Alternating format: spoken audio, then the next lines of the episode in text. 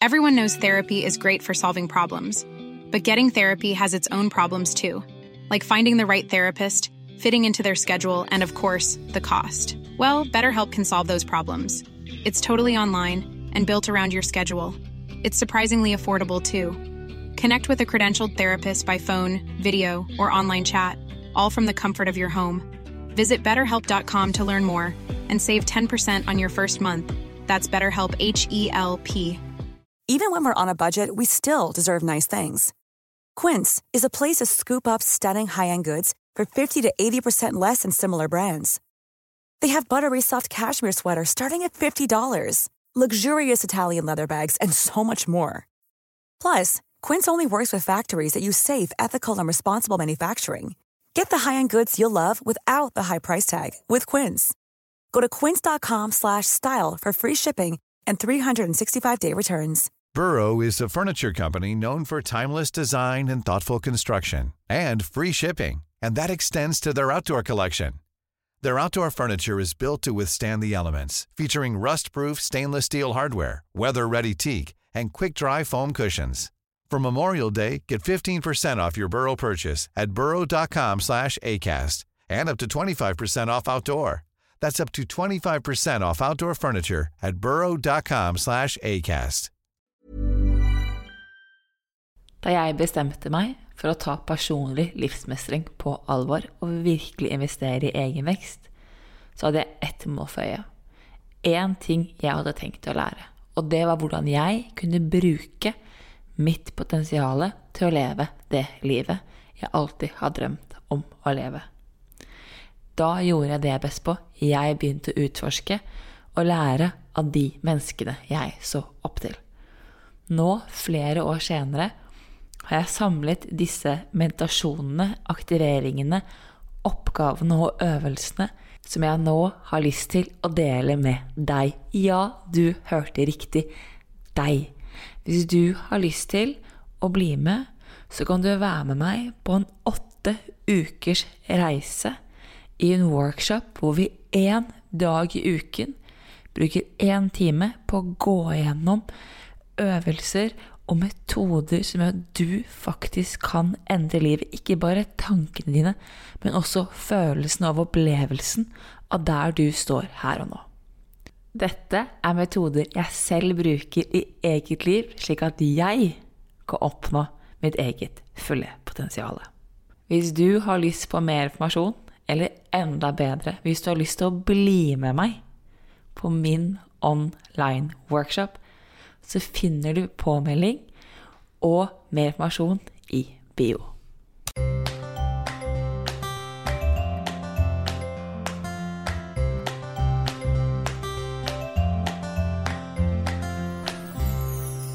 Hei og velkommen til en ny episode av Becoming. I dag, folkens, altså i dag, denne samtalen her, har jeg gledet meg til helt siden det tikket inn en liten melding på Instagram. Eller ikke en liten en, det var en fantastisk lydmelding med masse energi av selveste kvinnen bak Orden og system, Karoline Leite. For du var, Karoline, på vår boklansering, og der var det som at det gikk opp et lys for deg at rydding, orden og system i hjemmet og person- og livsmestring, de to har en kobling. Og du bare 'Isabel, vi må gjøre en episode'. Og jeg tenkte 'Oh my lord, ja!' Altså, om vi må, eller? Så nå har vi endelig kommet hit. Vi har snakket høl i hodet på hverandre før episoden startet. Så folkens, jeg gleder meg så mye til dere skal få møte kvinnen bak Ordnet system hun har egen bok, du har faktisk egen bedrift, du er gründer. Karoline Leite, velkommen til studio. Herregud, tusen takk. Eh, altså, det er en glede å være her. Og jeg føler meg liksom sånn beæret at jeg kan sitte her og snakke med deg. Det er eh, ja, virkelig en ære. Nei, det er helt fantastisk fordi, som vi måtte startet med å snakke om du og jeg før podkastinnspilling, er at rydding, det å bli bedre på livet, og personlig livsmestring, det har veldig, veldig mange fellestrekk. Mm. Men før vi går inn dit, kan ikke du gi lytterne våre en liten sånn bakgrunn på hvem du er? Altså, hvem er Karoline Leite, og hvorfor ble rydding så viktig for deg? Ja, eh, lang historie kort, må man jo si. Jeg har jo alltid vært uh, veldig kreativ. Uh, jeg har dysleksi. Så jeg tror egentlig liksom den kreative delen av meg alltid har vært litt sånn fordi det er jeg mestret best. Eh, så jeg begynte å studere interiør og arkitektur, og på en måte da kommer jo den estetiske eh, følelsen inni deg frem veldig, ikke sant, og du begynner å dyrke det veldig masse. Så når jeg holdt jeg på å si, har jo holdt på med det da eh, hele livet, nesten, eller mitt voksne liv i hvert fall, og likte å ha hatt fine hjem og holdt på med det, og så fikk jeg jo mann. Og to barn. Eh, og da den estetiske roen som jeg tidligere har hatt hjemme, det var, eh, kan man si, et mareritt å prøve å opprettholde da, i en hektisk hverdag. Og jeg begynte å slite med å på en måte få roen i mitt eget hjem, fordi jeg ikke eh, kunne ha det sånn jeg alltid hadde hatt det, da. Fordi det var flere inni den kabalen som skulle på en måte funke. Eh, så da kom jo denne rydde, gærne riddedama, som jeg pleier å kalle meg selv, uh, ut av skallet sitt og bare sånn ok, men det her må jeg bare fikse, fordi jeg kan ikke leve i evig uro i kroppen min og bare føle at alt er rotete, og jeg bare får ikke roen hjemme. Så da begynte jeg å prøve å finne ut hvordan jeg kunne hacke mitt eget hjem til at det ble så effektivt som mulig for meg å opprettholde det jeg ville ha, da. Uh, så det er egentlig sånn jeg havnet her i dag, og begynte med rydding. Um, fordi da, uh, ja, for et år siden cirka, så åpnet jeg en nettbutikk uh, sammen med mannen min, um, som har fullt fokus på det med å ha orden og organisere hjemmene sine, eller mitt og alle andre sitt. Uh, og har da en Instagram-konto, Orden og system, som rydder hver dag. Det er liksom det jeg gjør. Og jeg prøver å vise eh, egentlig alle hvor enkelt rydding kan være. Um, fordi rydding for folk flest er jo et, nesten et sånt skjellsord. Det er sånn åh, fy søren, skal du snakke med meg om rydding? Men jeg vil ikke at rydding skal måtte være så vanskelig. Eh, det trenger ikke å være så stort. Um, og det føler jeg egentlig er eh, grunnen til at orden- og systemprofilen har fått uh, mange følgere. Mm. Uh, fordi jeg er personlig, jeg viser barna mine roter, og hvordan skal jeg fikse det problemet. Jeg viser hunden min som hopper og danser. Altså det er mye kaos hjemme hos oss. Um, men jeg prøver bare å gjøre det så enkelt som mulig for at uh, Hvem er det som har lyst til å bruke mange timer hver dag på å ridde? Det er jo ingen det.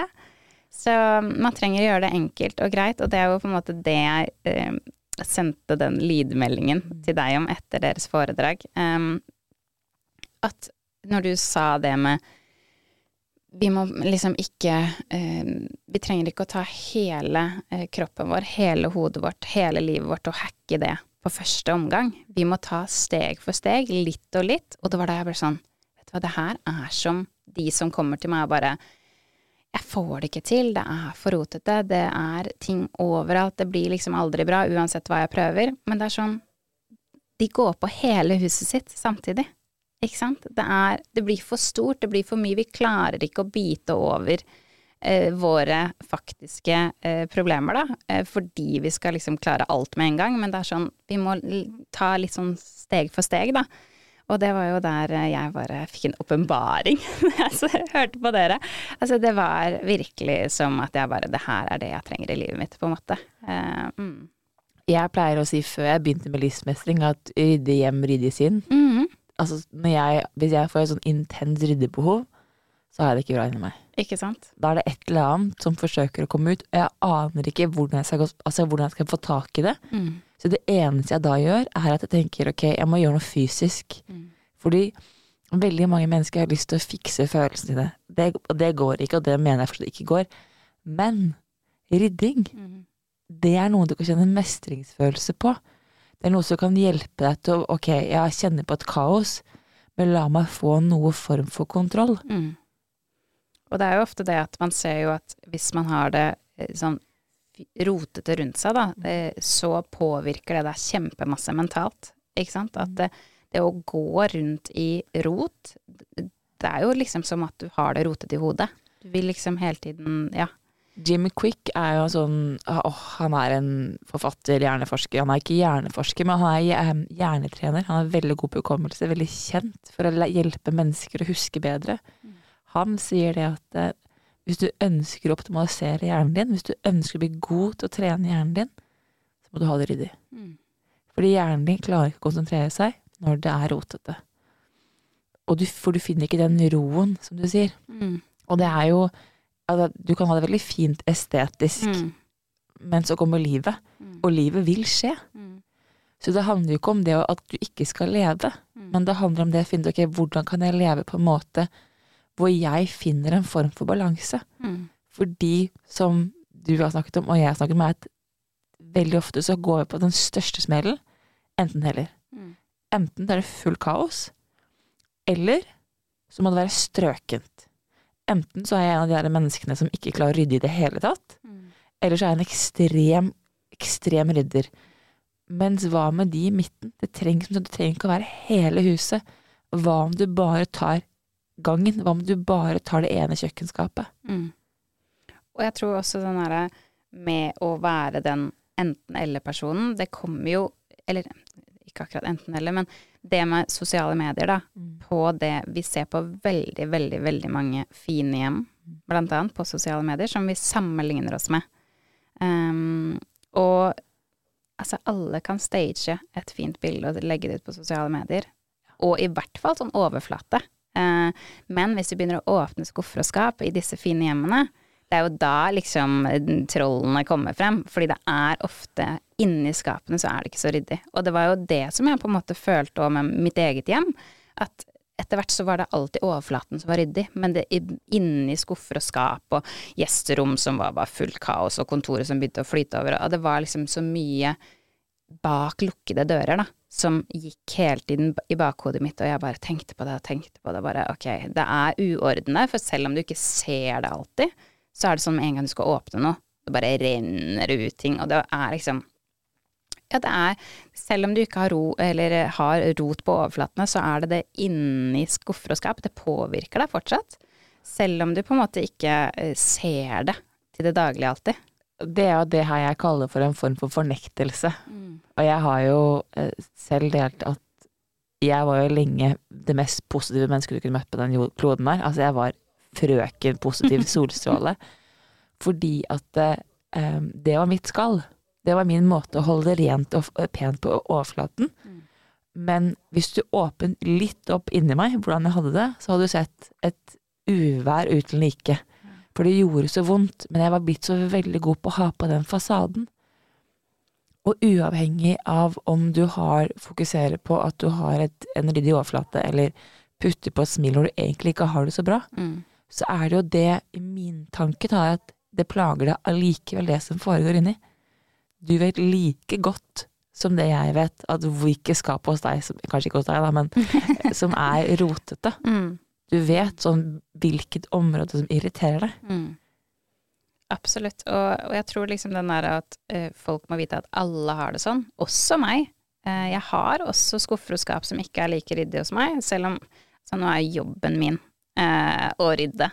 Så jeg rydder hele tiden for jobben min sin del òg. Så det er jo Hos meg er det jo ganske ryddig, men det er veldig vanlig at alle har rot. Det er Altså, livet skjer. Vi, vi har veldig hektiske liv. Eh, sånn Det er ingen som er De færreste er eh, stay at home moms eh, og bare holder på med det.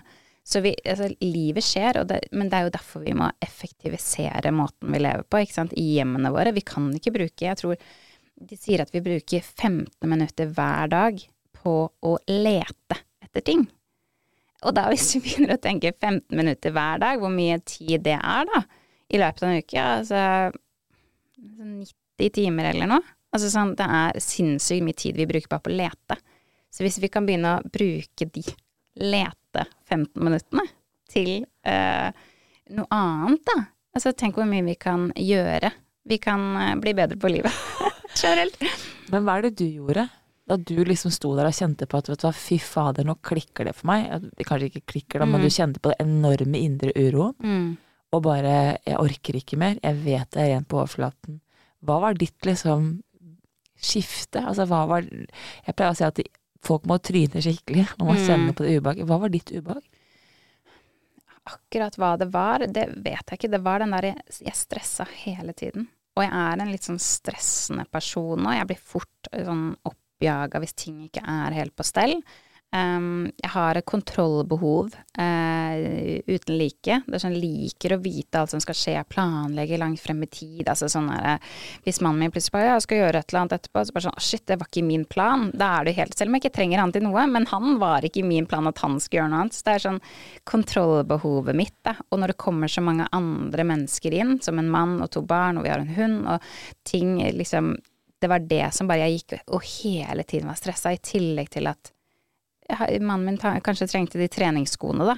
Eh, som han ikke fant. Og så begynte vi å lete etter det, og så ble det bare Vi var bare en litt sånn Og småbarn i tillegg, da. Det var sånn kaosfase, så jeg bare følte at jeg var aldri rolig.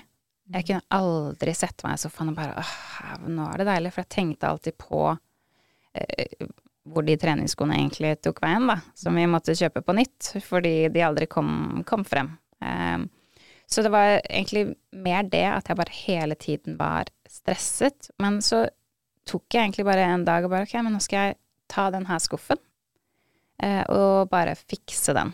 Eh, der lå det masse greier. Vi hadde noe pass der. Altså det var sånn alle har jo rotskuff, og der Ja. hadde vi pass, og vi hadde litt penger, og vi hadde litt eh, regninger som hadde gått ut på dato. Altså det var mye greier oppi der, da, og kvitteringer som du ikke trengte lenger, og bokser og penner og Og så jeg var sånn, vet du hva, det her går ikke. Vi klarer ikke å finne passet når vi først trenger det passet heller, og det er viktige dokumenter, og vi må liksom vi må prøve å få litt orden på livet vårt generelt, da. Vi bare sånn, det kan ikke være sånn her vi lever, at vi hele tiden eh, mangler ting. Um, så det var egentlig det jeg begynte med. Ta en skuff, og så ga jo det mersmak, ikke sant. Når du først bare Oi, se hvor fint det ble. Se, nå har jeg orden på alt. Jeg vet alltid jeg nå hvor passet min er. Eh, eller til hele familien, da. Fordi de ligger på fast plass. Så da begynte jeg egentlig å tildele alle tingene mine fast plass i hjemmet. Um, og ettersom barna vokser opp, eh, mannen min holdt jeg på å si vokser opp, vi alle sammen bor der, nå vet alle hvor ting er. Så det er liksom ikke sånn 'mamma, hvor er det', 'mamma, hvor er det'? Richard, eh, mannen min, da sier jo ikke sånn 'hvor er det', 'hvor er det'? Fordi han vet det. Alle vet det. Så vi trenger ikke den derre evige runddansen på å Jeg følte at jeg var litt sånn der barnevakt for eget hjem på et tidspunkt. Når alle bare 'hvor er det', 'hvor er det', hvor er det? Og jeg bare sånn Slutt å plage meg. Fordi jeg orker ikke mer. Ja, du har fjernet del av maset, du. Ja. Så jeg har på en måte gjort livet mitt enklere ved å gjøre livet mer effektivt hjemme, da. Eh, og mer oversiktlig for familien min, da. Eh, og jeg tror alle, sånn som mannen min som ikke er en ryddetype, jeg tror til og med han setter pris på å vite hvor treningsskoene hans er, da, til enhver tid når han skal plutselig på trening. Um, Vi mennesker vi har jo en hjerne som liker at ting er i system. Vi liker å få oversikt. Så mens du jobber med å få ting i system, så jobber Mm. jeg med å sette følelser i system. Mm. Og det er utrolig hva som skjer når folk begynner å gjenkjenne av et mønster, og begynner å vite ok, dette er en følelse jeg har, Mm. dette er sånn den kjennes i kroppen, det kan jeg nå jobbe med. Og det er litt det samme jeg hører deg si på en sånn ryddemåte. Mm. Si eh, Hører deg si rundt rydding at Isabel, det var så mye kaos, så jeg tok For jeg sier jo alltid at man har en gave og en skyggeside i enhver egenskap. Og gaven til kontroll er jo faktisk oversikt. Mm. Er jo faktisk det at du kan, du kan lede andre mennesker gjennom en form for kaos, da. Men for å skulle lede andre, så må du først lede deg selv. Mm. Og det er jo det du gjør. Du sier ok, det er så mye kaos, det er så mye mas, det er så mye støy både innvendig og utvendig. La meg ta én ting. Og så får du tatt den i system, og så gir det mersmak, og så fortsetter du. Som gjør at resten av familien får sin en tilvenningsfase til hvor de kan Ok, men passet ligger alltid der. Det betyr at hver gang jeg ikke vet hvor passet mitt er, så er passet mitt alltid der. Mm. Og jeg har det samme, men jeg vet alltid hvor passet mitt er, og det er dødsdigg. Fordi jeg er en person som alltid er sent ute, Når du alltid er sent ute, så er du i hvert fall avhengig av å vite hvor ting er hen. Fordi det fins ikke noe verre for meg. Så da blir jeg kaotisk, og jeg er i hvert fall ute av rytme. Hvis jeg må begynne å lete etter det jeg trodde jeg hadde, jeg visste hvor var. Det er faktisk mer frustrerende for meg enn å være for sent ute. Så det er å vite hvor ting ligger, det å måtte ha den oversikten, det gir en form for trygghet og ro, da. Mm. Som gjør at disse hverdags, tror jeg, hverdagsutfordringene våre ikke blir så store. Men hva er det sånn av dine følgere, av dine klienter, hva er det de forteller deg at de sliter mest med? Hva er det den tingen du ser går igjen? Det er jo det hverdagskaoset, da. Den derre Barna mine drar frem alle lekene alltid. Eh, hvordan får jeg det? Kjøkkenbenken er alltid rotete. Um, ja, vi, altså at ting flyter over, da. Vaskerommet, vi kommer oss ikke rundt. Um, det er den hverdagslige greia, fordi vi er veldig presset på tid. Mm. Uh, hver eneste dag, alle sammen. Um, og så, når du slenger på litt fritidsaktiviteter ofte, litt andre ting, du skal prøve å jobbe litt ekstra, du skal prøve å sove åtte timer Altså, det er liksom Du, du begynner å krympe på tiden du har til å gjøre type husarbeid, da, hvis man skal ta det under den øh, øh, ordet. Men det som er liksom, som jeg føler for alle, er at de tror at det tar veldig lang tid. Eh, og det er jo når du gruer deg til noe, det vet jo du sikkert mye mer enn meg, men når du gruer deg til noe, eller ikke har lyst til noe, så blir det en sånn stor ting i hodet ditt, ikke sant. Og da tenker jeg sånn en Kanskje du hater å ta ut av oppvaskmaskinen, for eksempel. Det er det verste du vet i hele verden, å bare sette ting på plass. Og da tenker du å, fy søren, det tar sikkert en halvtime å gjøre det.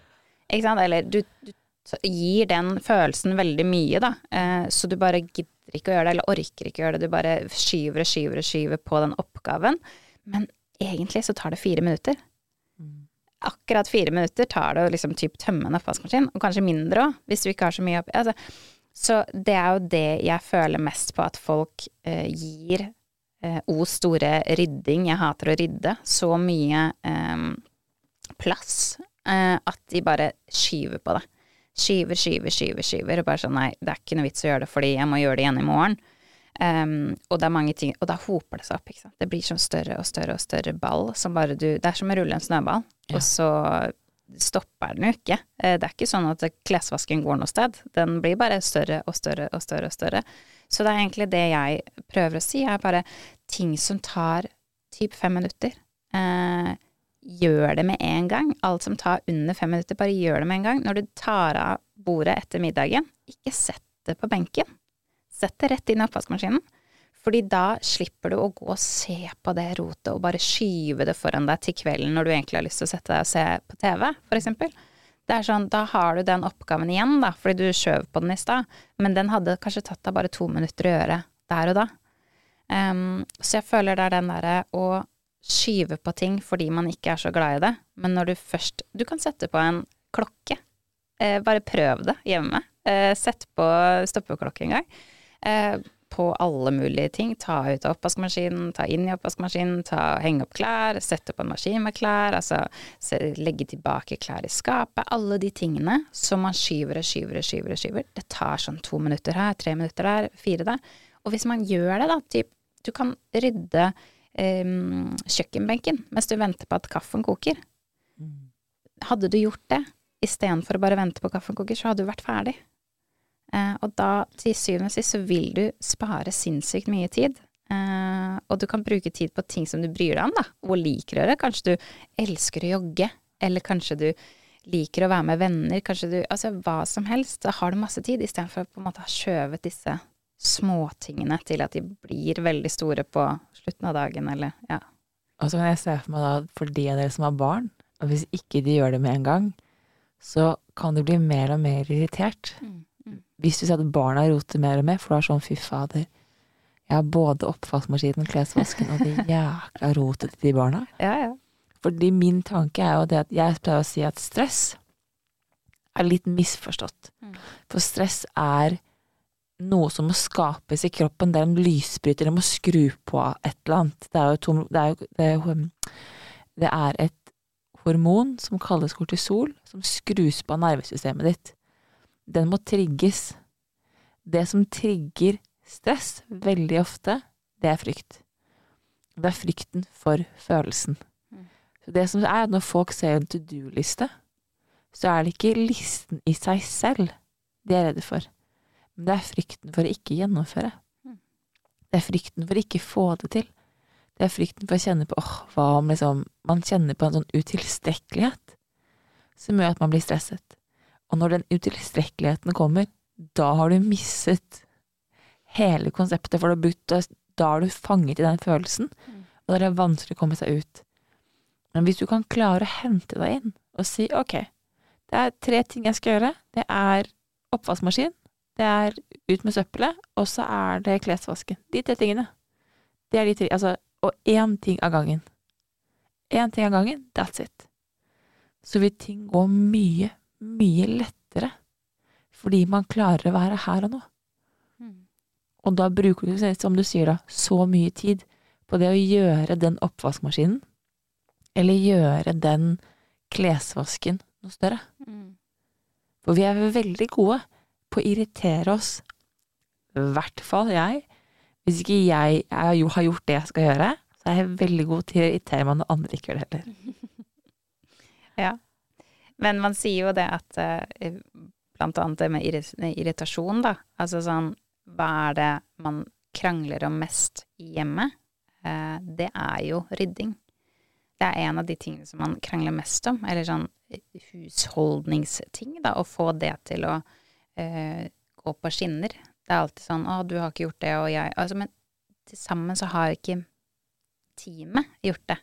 Og det er den jeg prøver å si til mange, og den derre Man må ikke Jeg har jo jeg er jo kanskje den som Jeg rydder jo veldig mye. Jeg elsker å rydde. Mm. Så det er jo kanskje å sette meg som et eksempel er kanskje litt dumt. Men hvis man har to parter som ikke helt liker å rydde, da, um, og syns ikke det er noe kult å ta inn og ut av den oppvaskmaskinen, så er det sånn istedenfor å gå og irritere seg over at den andre ikke har gjort det, eh, som man ofte da gjør, så er det sånn, kan man ikke da gå sammen, for det første, lage en to do-liste, men ikke sett noe eh, typ tidsbegrensning på det. Det må ikke uh, Det må skje naturlig, for du må gjøre det der og da. Ikke sant? Så si oppvaskmaskinen er mannen sitt, sin oppgave, og klesvasken er din oppgave da må dere kjøre deres eget løp på de to tingene. Dere kan ikke sitte og passe på hverandre. For det er den derre å være hjemmets eh, husvert, holdt jeg på å si. Dere kan ikke passe på hverandre. Bare gjør det når det er oppgaven er der, da. Jeg elsker at du gikk, du dro inn det her, fordi jeg har en følelse, og nå skal dere kan det sikkert være flere som arresterer meg, og du må gjerne gjøre det men jeg har en følelse på at kvinner er veldig gode til å klage på mannen sin fordi de ikke gjør det på deres måte. Mm. Altså, det er litt sånn, du tok ikke ut oppvaskmaskinen. Som du selv sier da, du sier, Isabel, mannen min kan gjøre noe hvis ikke jeg har lagt han inn i min plan. Mm. Så er det feil. Mm. Så det er som at hvis mannen ikke gjør det på min måte når jeg har sagt at han skal gjøre det, da er det feil. Da klager jeg. Men da spiller man hverandre ikke gode. Nei. Så man blir jo en klager, og så kjenner man på at ok, men nå bare klage. Ja, du klager bare. Fordi du klarer ikke å gi slipp på den kontrollen. For det tenker jeg jo at kontroll er en fin ting som kan gi oversikt og kan være med på å lede, men skyggesiden er at du blir for kontrollerende. Det blir for trangt, mm. og det gjør vondt. Mm. Og det er jo ikke mulig å gjøre det riktig det er ikke mulig for den andre parten å få det til riktig. Nei. Uansett hvor mye den parten hadde prøvd å gjøre det på din måte, så hadde det ikke funket. Um, men det er jo derfor på en måte jeg mener at man må gå sammen som et team.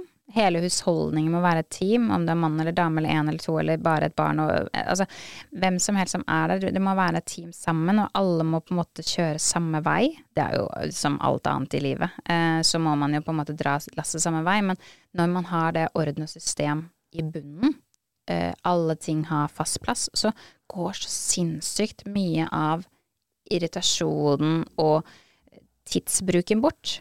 Eh, for du trenger ikke å finne opp et nytt sted til den stekespaden hver gang. Den skal alltid ligge der den lå. Um, og hvis du har lekt med noe, barna for eksempel, de vet alltid hvor det skal legges tilbake også.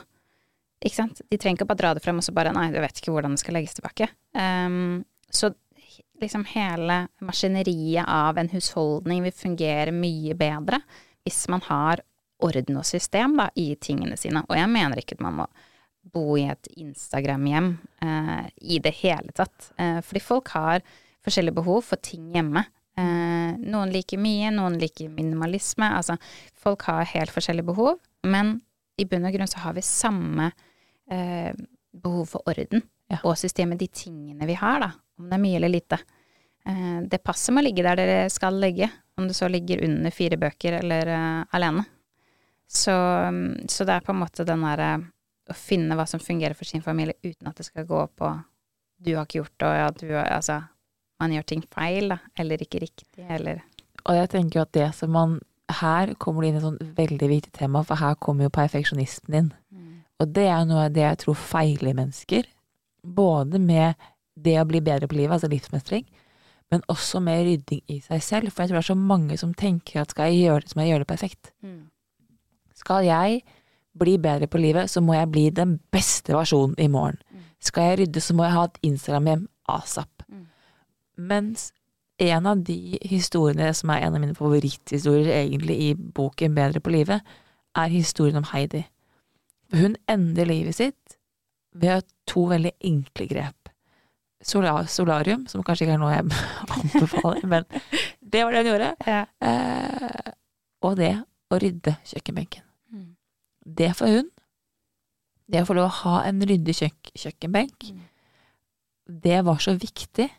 For da kjente hun på at ok, nå mestrer jeg livet. Det var den ene kjøkkenbenken, som du sier, den ene tingen. Mm. Så det å da forsøke å ha et ryddig hjem, det gikk ikke for henne, visste hun.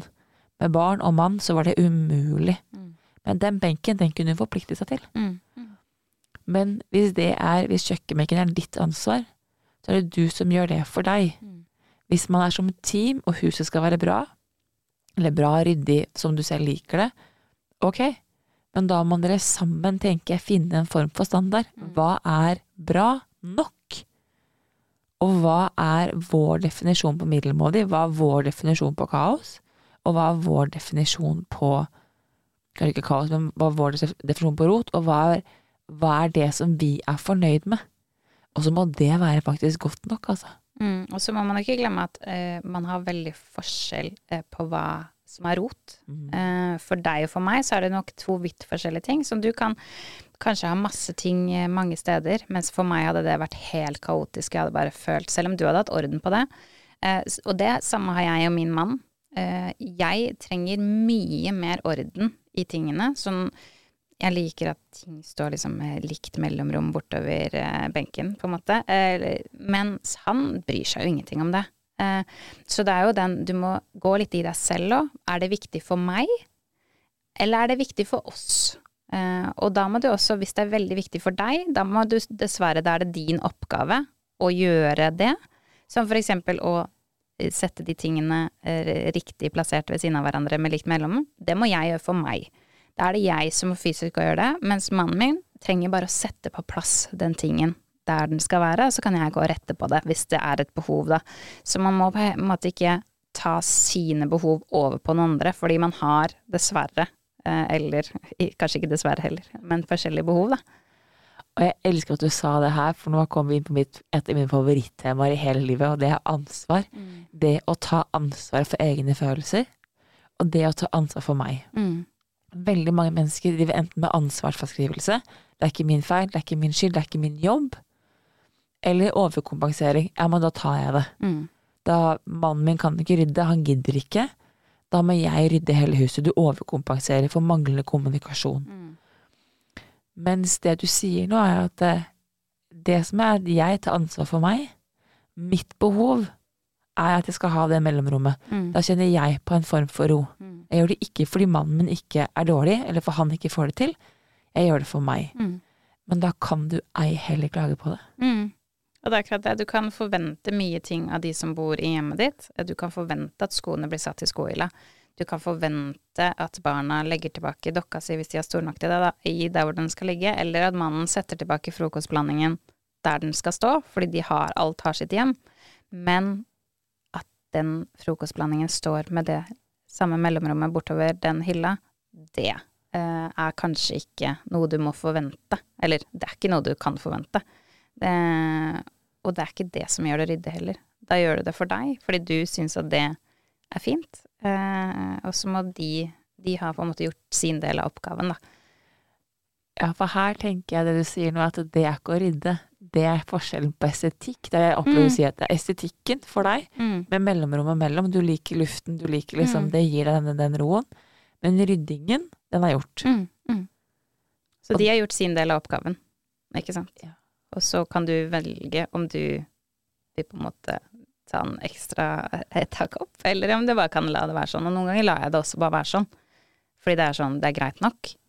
Fordi noen ganger så tar livet deg, og du, det blir stress, og du orker ikke, og da gjør det ikke noe, da. Det er fortsatt ryddig. Uh, og du vet fortsatt hvor du skal finne frokostblandingen neste gang. Um, du trenger ikke å rote hele kjøkkenet rundt for å finne den. Um, og jeg tror den derre at man går i seg selv og finner ut hva som er viktig for seg, da, hva som faktisk er viktig. Og det er det jeg likte med uh, det dere sier òg, er liksom finne ut hva som er viktig for deg, og stå i det for deg. Um, og så må alle andre finne ut hva som er viktig for seg. Uh, og det er også en husholdning, selv om man er et team, så er man fortsatt forskjellige spillere på dette teamet. Og jeg har to forskjellige barn, eh, vidt forskjellige personligheter, og de krever forskjellige ting, samme som Og det gjør jeg og mannen min nå. Så vi alle sammen må på en måte finne en enighet oss imellom, men så må vi også eh, dra i de eh, tingene som vi selv er viktig for oss, da. Sånn i bunn og grunn. Og det jeg, jeg får automatisk feeling på, det er det at hvis du har lyst til, da Skal jeg se om jeg kan klare å vinkle dem fra livsmestring inn i rydding, for å se om det hjelper meg. Og det er det at eh, på det foredraget, eller i den boklanseringen, så stilte jeg, startet jeg med å stille et spørsmål. Og det er hvis du visste at svaret var ja, hva hadde du spurt livet om da? For det er det området du skal fokusere på. Og da er min greie Hvis du visste at svaret var ja, hvilken, altså hvilket rom i huset hadde du holdt ryddig da? Hvilken skuff, hvilken del, altså hvilket område hadde vært det viktigste for deg? Finn den ene tingen og jobb. Start der. Det er min tanke. Og snakk med mannen din eller samboeren din eller bofellesskapet om hva er det for deg, og hva er det for meg. Mm. Er dere heldige, så er det to ulike. Mm. Da kan man rett og slett fordele det ansvaret. Ja. Men Og så være sånn, ok, hva vil det si å være ryddig? Altså begynne å bli kjent med det definisjonen av ryddighet, da. Mm. For jeg tenker på lik linje som at jeg, vi mennesker går og har nedlatende tanker og begrensende tanker om oss selv, så tror jeg Det kan hende jeg tråkker noen på tærne her nå, men vi prøver. At det er en sånn kvinnetanke om at menn ikke rydder. Jeg tror vi automatisk tenker at gutta ikke er gode til å rydde. For det har vært en sånn kvinnejobb. Mm. Det har vært liksom Ja, men kvinner var før. Altså, det er ikke lenger enn Jeg var da ja, under, Det er litt over 100 år siden kvinner fikk stemmerett. Og så er det vel Ja, den seksuelle frigjøringen kom vel på slutten av 30-tallet. På en måte vi virkelig fikk lov til å så Vår frigjøring, det å skulle kvinner få lov til å ta mer plass i hjemmet, den har jo kommet, er ganske ny og fersk. Mm. Så vi har jo fortsatt alle disse gamle tankene som er lært fra bestemor eller mormor ned til våre mødre, som kommer ned til oss, da. Mm. Ja, Og her har man noen tanke om at menn gjorde ikke husarbeid. Mm. Det kommer jo tilbake til det at det var mye hjemmeværende mødre før. Moren min til og med var jo hjemmeværende mor eh, i lang tid mens vi var små. Så jeg tror det går på at da var det på en måte Du er hjemme, så da skal du gjøre det. Mens sånn det er i dag, da, så er jo begge jobber like mye. Altså man tar like stor del av eh, hjemmet, da, og økonomien. Så man er veldig sånn likestilt i dagens hverdag ofte. Um, men så går det på den derre Jeg tror at um, hvis, hvis vi ikke klarer å likestille oss i hjemmet når vi begge jobber like mye, så vil vi aldri komme i mål, for da vil den ene til slutt bli utslitt. Uh, og det gagner ingen i at én er utslitt og den andre uh, jeg holdt å si ikke er det. Ja, så tenker jeg igjen kan hende at Jeg tenker jo at én blir utslitt av å nege, Mm. og én blir knekt, altså. Ja. Det fins ikke noe verre. Kan du se for deg å få, kjeft hver dag, å få klage på deg hver dag for at du ikke er god nok? Altså, det er jo som å nesten skyte mannen din i foten og si ok, du får ikke til noen ting, du. Du er bare dårlig hver dag. Du har jo ikke motivasjon til inspirasjon til å gjøre noe som helst. Nei. Så det er jo den kommunikasjonen, det er derfor jeg tenker at det er det for kvinner Min erfaring er at jo bedre kjent jeg blir med egne begrensede tanker, jo lettere er det å spille meg god, og spille de rundt meg gode. Men jeg har måttet faktisk tatt en ordentlig opprydning i hva det vil si å være kvinne for meg, Mm. og hva mine tanker rundt det Altså, ja, kvinne og måte kvinners identitet og kvinners arbeidsoppgaver for blant annet det å skulle tørre å være mer ambisiøs, for da måte har jeg lært at det er ikke en, en kvinnelig egenskap. Og jeg tenker det at som sier, likestilling i hjemmet, det skjer også. Du kan ikke be mannen step up their game hvis han ikke får plass til å gjøre det. Og hvis han alltid gjør det feil. Åh, ja. Men hva er det for din del, hva har vært koden der? Jeg sier ikke at du er sånn, det er bare jeg, jeg som blir litt Mm. nysgjerrig. Um, jeg tror ikke jeg hadde noen kode, men jeg tror nok fordi jeg er veldig ryddig, så tolererer jeg også um, å ta mye av ansvaret for det å rydde. Fordi jeg, jeg liker jo faktisk å rydde.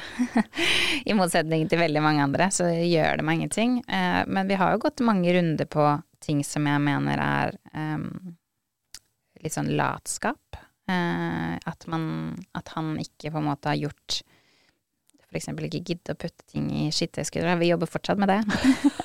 Eh, men, men jeg tror liksom man kan forvente mye av hverandre eh, som et par, da. Jeg tror den forventnings... eh, at jeg har satt forventninger til han som på en måte jeg også tror han kan klare. Um, og derfor blir jeg ikke skuffa. Eh, ikke det at jeg setter forventninger så veldig lav fordi han er noe dårlig, men jeg tror bare Jeg har ikke satt de så høyt, fordi jeg vil jo faktisk ikke at livet vårt skal gå på nege om rydding. Eller at han ikke er god nok, eller jeg ikke er god nok. For han kan jo sette samme krav tilbake til meg på andre ting. Eh, matlaging, for eksempel. Eh, der er jeg veldig dårlig. Så jeg tror liksom hvis han bare sånn ah, 'du lager ikke sånn og sånn mat', eller sånn og sånn, og så jeg bare 'ja, men du vasker ikke opp eh, riktig sånn og sånn', så da går du Hele forholdet vil gå dårlig, så man må jo kommunisere seg imellom og sette en litt sånn 'dette er oss, sånn skal vi få det til å funke'. Og jeg føler at jeg har veldig mange venninner som sier at mannen min gjør ikke nok. Mannen min gjør ikke nok, ikke sant. Og neger og neger og neger igjen om det. Mens jeg er bare sånn, hvorfor tar dere ikke noe grep? Da? Hvorfor gir du ikke han det og den og den oppgaven, så lar du han styre det selv? Ikke bland deg med det, ikke gå hele tiden. Fordi du bruker jo din egen hjernekapasitet på å tenke på at han ikke har gjort det han skal. Og det bare blir, det vokser, da. Det vokser i deg, den dårlige følelsen. Um, som egentlig er en sånn liten ting. Igjen, det tok sikkert fire minutter å utføre den oppgaven. Eh, og det er der liksom Det går tilbake til det, da, eh, hos meg hele tiden, at ting som tar veldig kort tid, vi gir så mye kraft eh, i negativ, i negativ form, da, at det å ta ut oppvaskmaskinen er det verste i hele verden å gjøre. Um, så derfor gjør vi det ikke. Og så bare går Neger man på hverandre, eller man går i seg selv og bare 'fy søren, det har ikke gjort det', og man, inni hodet sitt, da. Så jeg føler at man gir så mye negativ eh, oppmerksomhet til noe som tar så kort tid. Det er bare å gjøre det. Um, og når du først har sjekka hvor kort tid det tar, da, så blir det mye enklere å bare fortsette å gjøre de små tingene, da. Um, I hverdagen. Men så en av mine kjernesaker i det å faktisk rydde opp, da, det er jo det å, at vi har for mye ting. I Norge generelt, og i, over hele verden, men i Norge i hvert fall, vi har så sinnssykt mye ting i hjemmene våre som vi setter Mye av det er jo bare eh, fordi vi kanskje en dag trenger det, men også mye er fordi eh, man har satt noen form for følelser til den tingen. Nå kommer du sikkert med masse inn i hodet. Ah, den må jeg ta og bite på. Men det er liksom den derre Vi gir eh, følelser til ting eh, over en lav sko, vil jeg si. Og, og, da sier jeg jo, når du gir eh, følelser og eh, på en måte behov til ting eh, i hjemmet ditt, så mange ting at du på en måte nesten ikke kan leve der, og alt skal være så spesielt, da kan vel ikke liksom mye være spesielt til slutt, når alt er like spesielt for deg. Du kan ikke kvitte deg med noen ting i hjemmet ditt fordi det har så stor verdi for deg. Eh, og så spør du ja, hva, hva er det her, den tegningen datteren din for to år siden tegna i barnehagen, en sånn ja, men hun har jo gjort det, da. Ja, men du har fem millioner andre tegninger også. Hvorfor kan du ikke bare ta et bilde av den tegningen, da? og lagre den i en mappe eller i en dokument eller whatever. Og, men man skal ta vare på veldig mye, og jeg tror den følelsen av å gi slipp på ting, den sliter vi med mest av alt. Åh, det er så gøy at du sier det, fordi jeg hadde en klient i går hvor jeg snakket om akkurat det her, frykten for å gi slipp. Mm. Fordi at uh, min tanke er jo som følger at vi gir ting følelser fordi at det, det, er en måte å holde den følelsen i live på. Mm. Og vi gir veldig ofte føles, ting, følelser, spesielt hvis det er minner, og gode minner. Mm. Og det er en måte å nesten Jeg har sagt det, eller både snakket i boken og her innom emosjonell avhengighet. Og det er at da blir den tingen en trigger. Den, den vekker en gammel følelse, og veldig ofte da god følelse, det er deilig. Mm. Uh, eller for eksempel en vanskelig følelse du ikke klarer å slippe. Så trenger du også den tingen for å minne deg på den smerten du en gang følte. Mm. Og det som er, er at jeg tenker at frykten for å gi slipp handler om at vi føler oss utrygge. For hvem er vi uten den tingen der? Hvem er vi uten de følelsene? Hvem er vi uten For alle som har lest boken, så har dere lest min historie um, om min relasjon til min far. Og en av de største aha-opplevelsene her, som jeg fikk sånn slengt i trynet av, av han Colin Tippen i eh, boken Radical Forgiveness, var at jeg var avhengig av han som min dårlige unnskyldning. Mm. På alt som ikke hadde med han å gjøre, men det ble min greie, da. Og det er der jeg tror at for mange mennesker med rydding og med ting i hjemmet, så blir det litt det samme. Tingene styrer oss, vi styrer ikke tingene. Mm. Så det er frykten for at hvem er jeg? For det var mitt store spørsmål. Hvem er jeg hvis jeg ikke har et, et sår med min far? Mm. Altså, hvem er jeg hvis jeg bare er Isabel? Jeg var sånn, hæ? Aner ikke! Har ikke peiling! Jeg er så vant til å skylde på hvem er jeg da? Mm. Og så var det litt, litt jeg tror jeg samme dere, hvem mm. er jeg hvis ikke jeg har det rotete rommet, da? Ja, ja, ja. Hvem er jeg hvis jeg har et ryddig bod? Hæ? Altså, hva skjer? Mm. Hvem er jeg hvis jeg har oversikt i klesskapet? Jeg aner ikke. Og det er der, for meg, det handler om trygghet. Mm. Og så tror jeg det er den, som du sier, da, det, apropos klesskap, for eksempel. Vi har jo sinnssykt mye følelser når det kommer til klær. Og hva vi går i, det går jo på personlighet også. Men for eksempel buksene jeg brukte før jeg ble gravid. Eh, før jeg ble mamma generelt de lave low-waste-buksene fra 19 pil og Altså, beklager, Karoline, eh, du kan ikke gå med de mer. Eh, de passer ikke. Og så er det kanskje et litt sånn sukk, og jeg var ikke som når jeg var 16 år, men man må også bare gå litt i seg selv og bare Vet du hva, jeg trenger ikke å være Karoline 20 år lenger eh, med de low-waste-buksene som ikke var mamma, ikke hadde mann. Altså, selv om de gir meg masse gode minner, så er det sånn det er på tide å kvitte seg med de. Jeg kommer aldri til å bruke de mer. Sammen med de korte kjolene som jeg en gang også gikk med. Det blir Det er ikke meg lenger.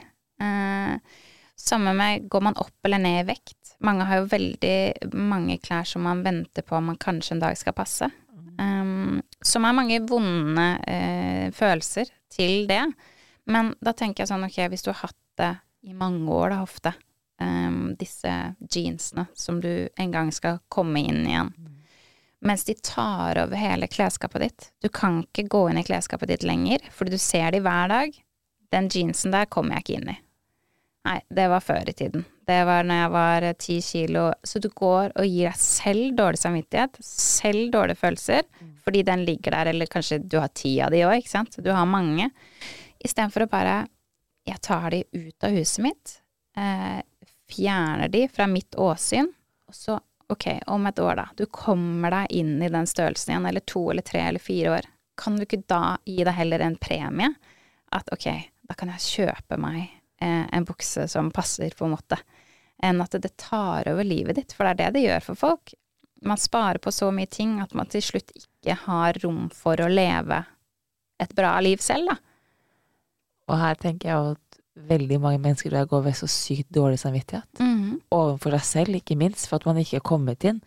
Så det, det vekker bare mye negative ting. Jeg har jo et veldig personlig forhold til mine klær. Altså, jeg elsker mine klær. Jeg får vondt av klærne mine hvis de henger ubrukt i skapet. Så jeg har jo faktisk på min Instagram gitt bort klær til mine følgere som jeg ikke bruker.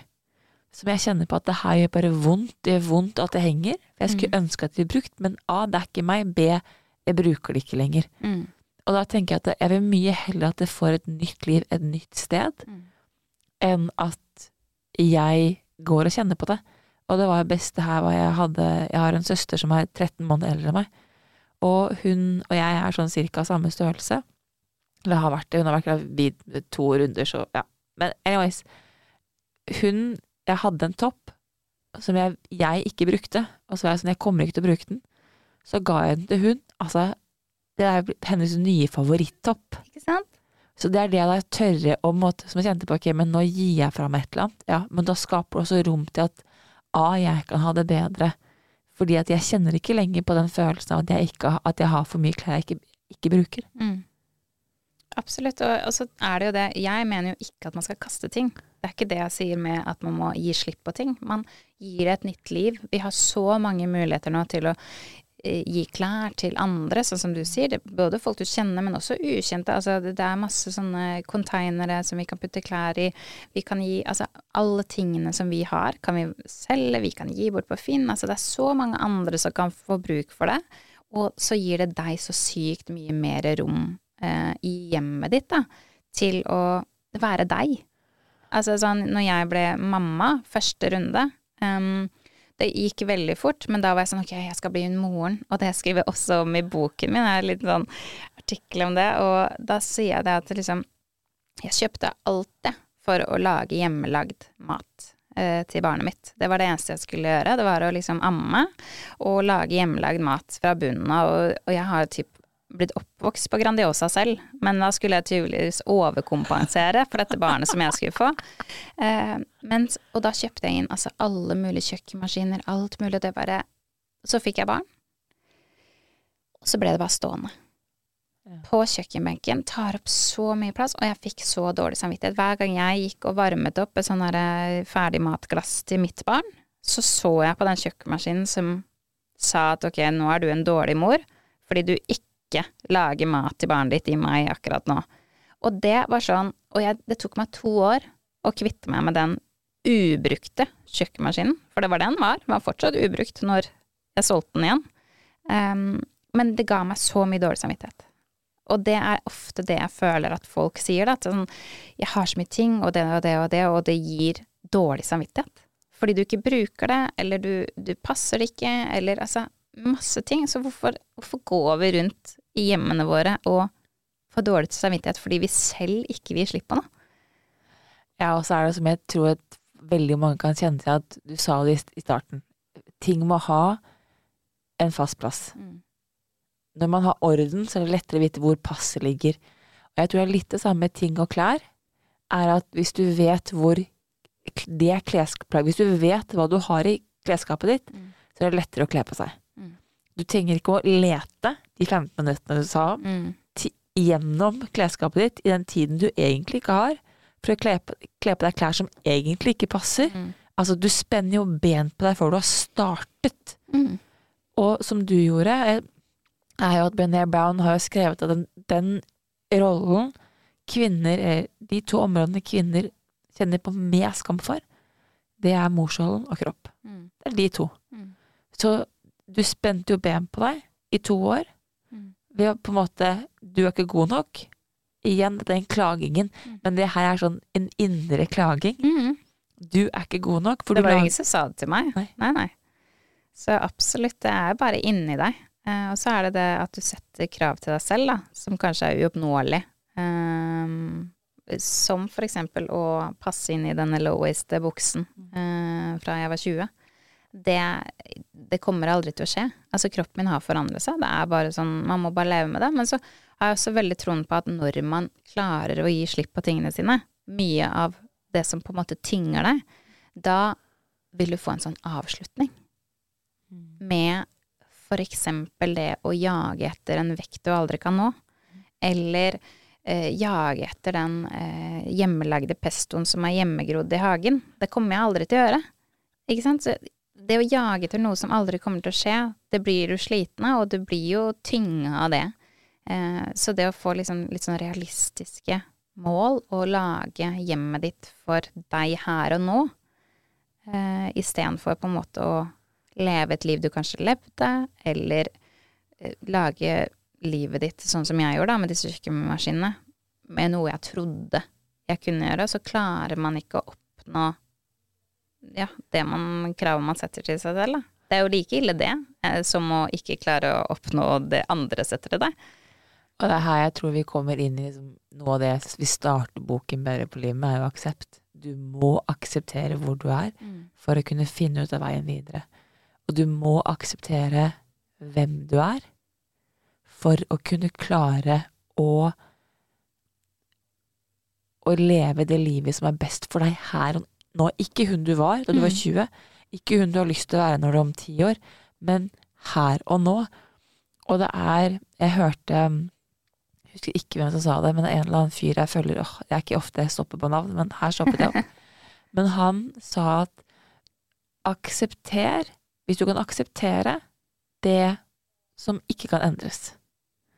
Og hvis du kan endre det som er mulig å forandres, og du kan fjerne fra det som er uakseptabelt, da begynner du å ha en bra emosjonelt stabilt liv.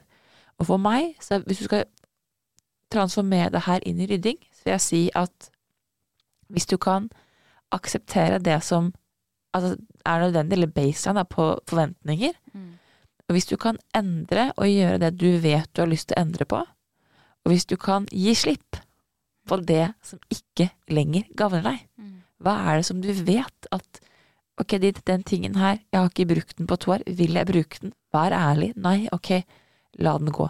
Hvis du kjenner på at jeg vil holde på den, ok, hvorfor? Og jeg har faktisk, på, i visse ting, kjent på et behov for at jeg sliter med å, gi slipp. Da har jeg, det høres sikkert kjemperart ut, jeg har skrevet avskjedsbrev. Mm. Jeg har hørt flere gjøre. Ja, Mm. jeg har skrevet avskjedsbrev til ting, eh, eller til meg som jeg var i den versjonen av meg selv.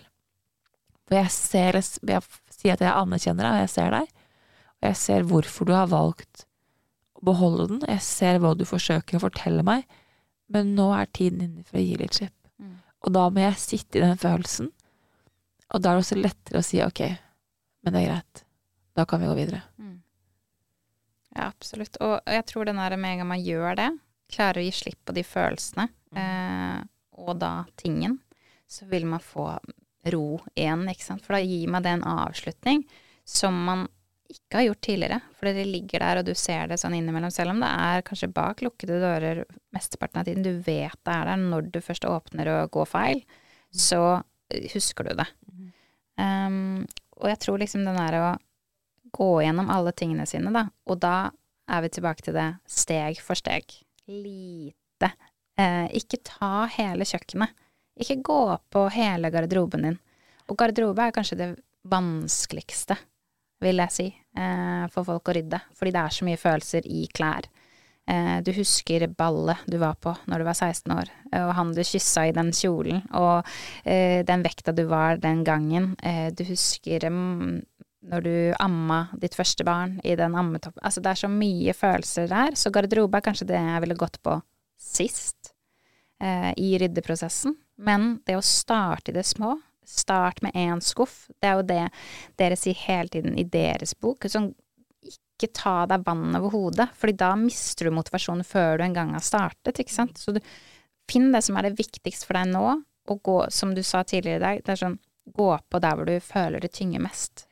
Jeg har lagd mange shortcuts for meg selv eh, som jeg har funnet ut at okay, jeg klarer ikke å opprettholde det jeg vil ha, så jeg må gjøre det et, Jeg har eksempel lagt et brett på kjøkkenbenken, sånn at alt rotet, for det havner så mye rot på kjøkkenbenken, og jeg klarer ikke at det ligger noe der, så jeg må bare samle alt på det brettet.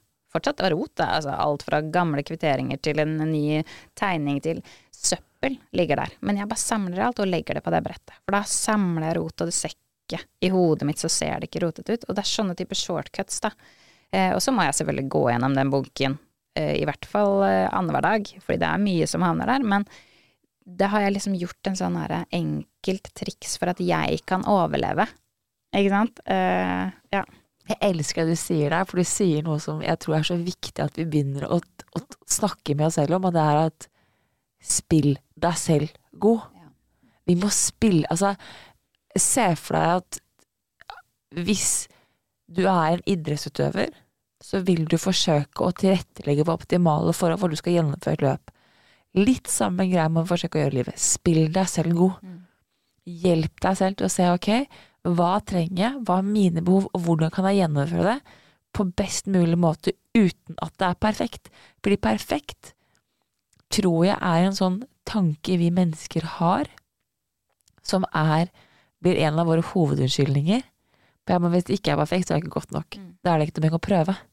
Igjen, vi spenner ben på oss selv. Men det er litt den, den gåturen, løpeturen. Du kan ikke løpe milen før du har løpt én kilometer. Mm. Ok, så begynn én kilometer. Og her har du vært sånn, ok, dette her er min tre kilometers runde. Ja. Det er brettet. Mm. Som betyr at jeg gjennomfører, Mm. og jeg gjør det for meg selv, men det er fortsatt kaos, og det er greit. Mm.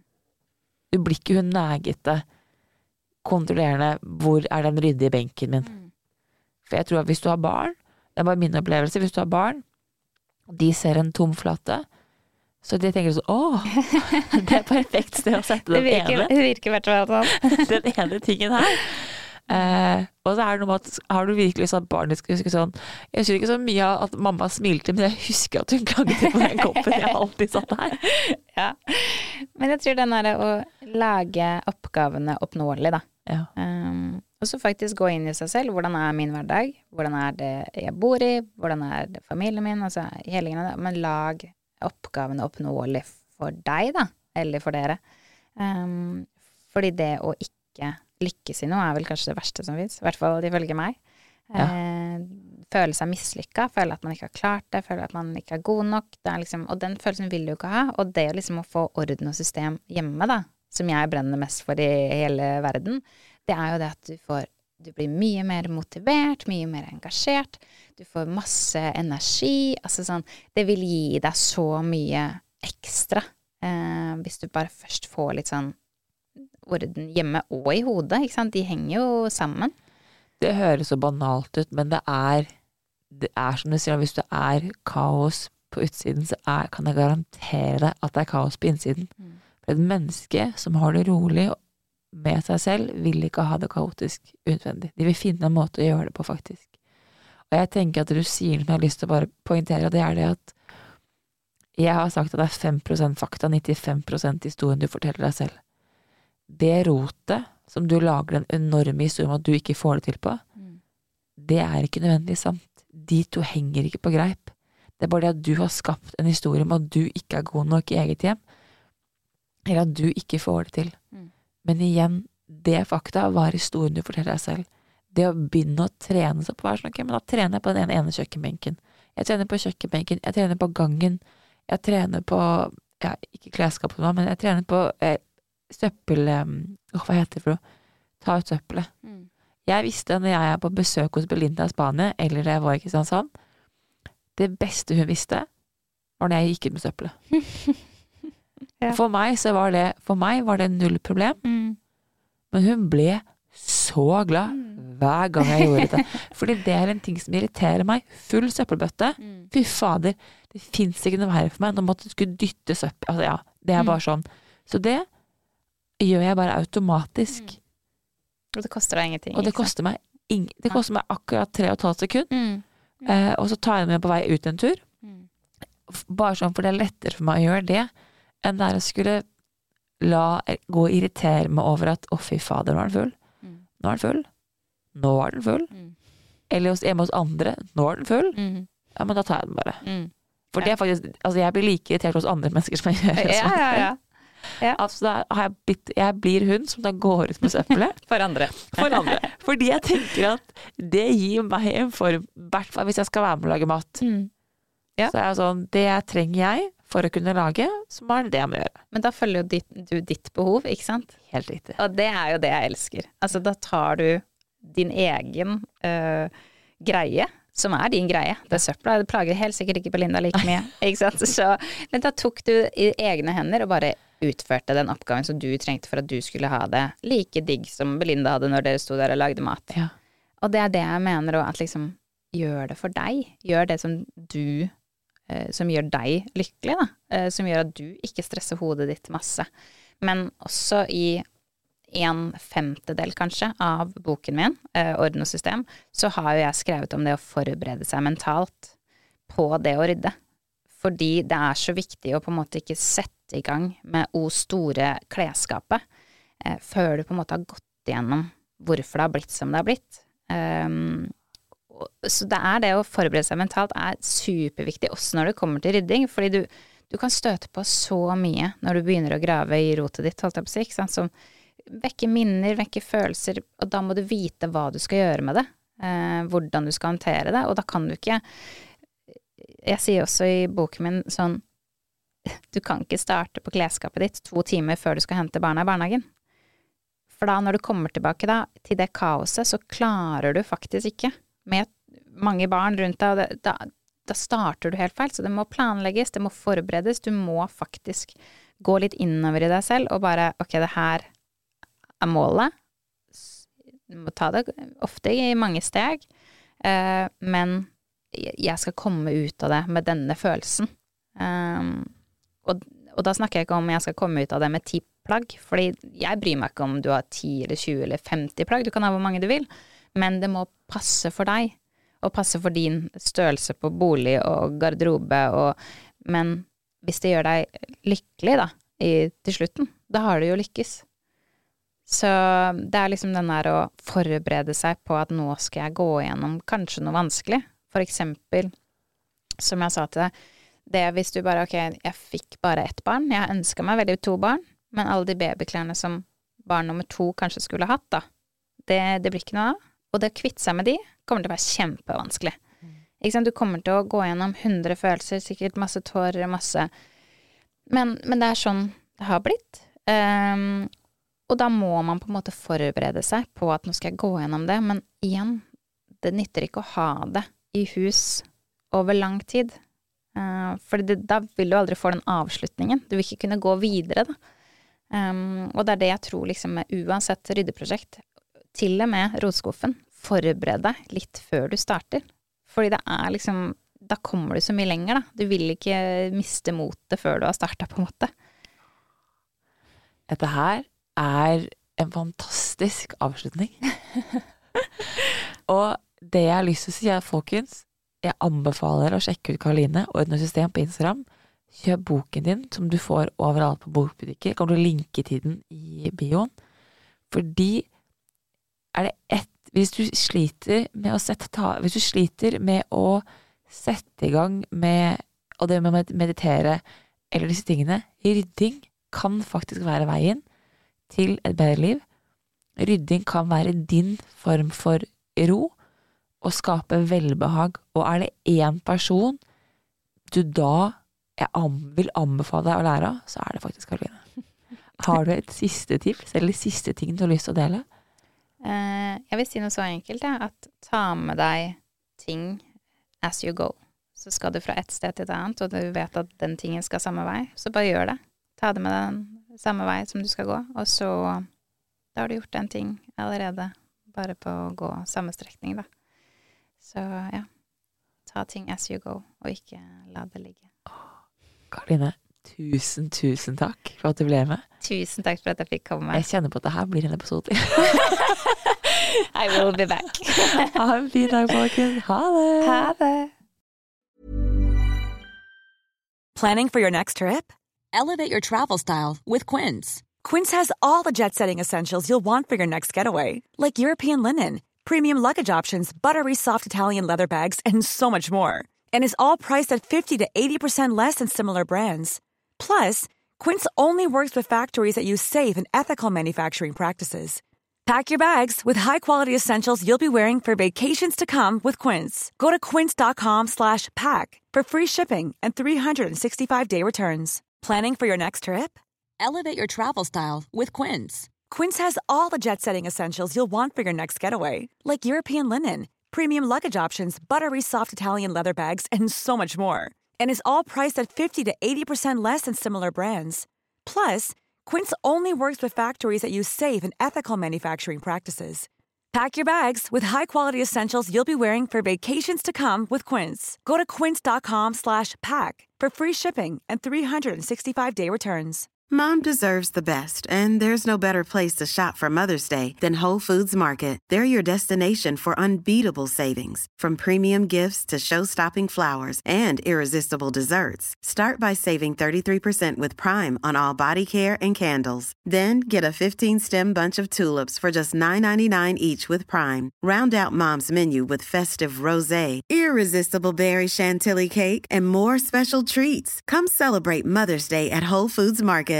Imagine the softest sheets you've ever felt. Now imagine them getting even softer over time. That's what you'll feel with Bowl and Branch's organic cotton sheets. In a recent customer survey, 96% replied that Bowl and Branch sheets get softer with every wash. Start getting your best night's sleep in these sheets that get softer and softer for years to come. Try their sheets with a 30-night guarantee. Plus, get 15% off your first order at bowlandbranch.com. Code BUTTERY. Exclusions apply. See site for details.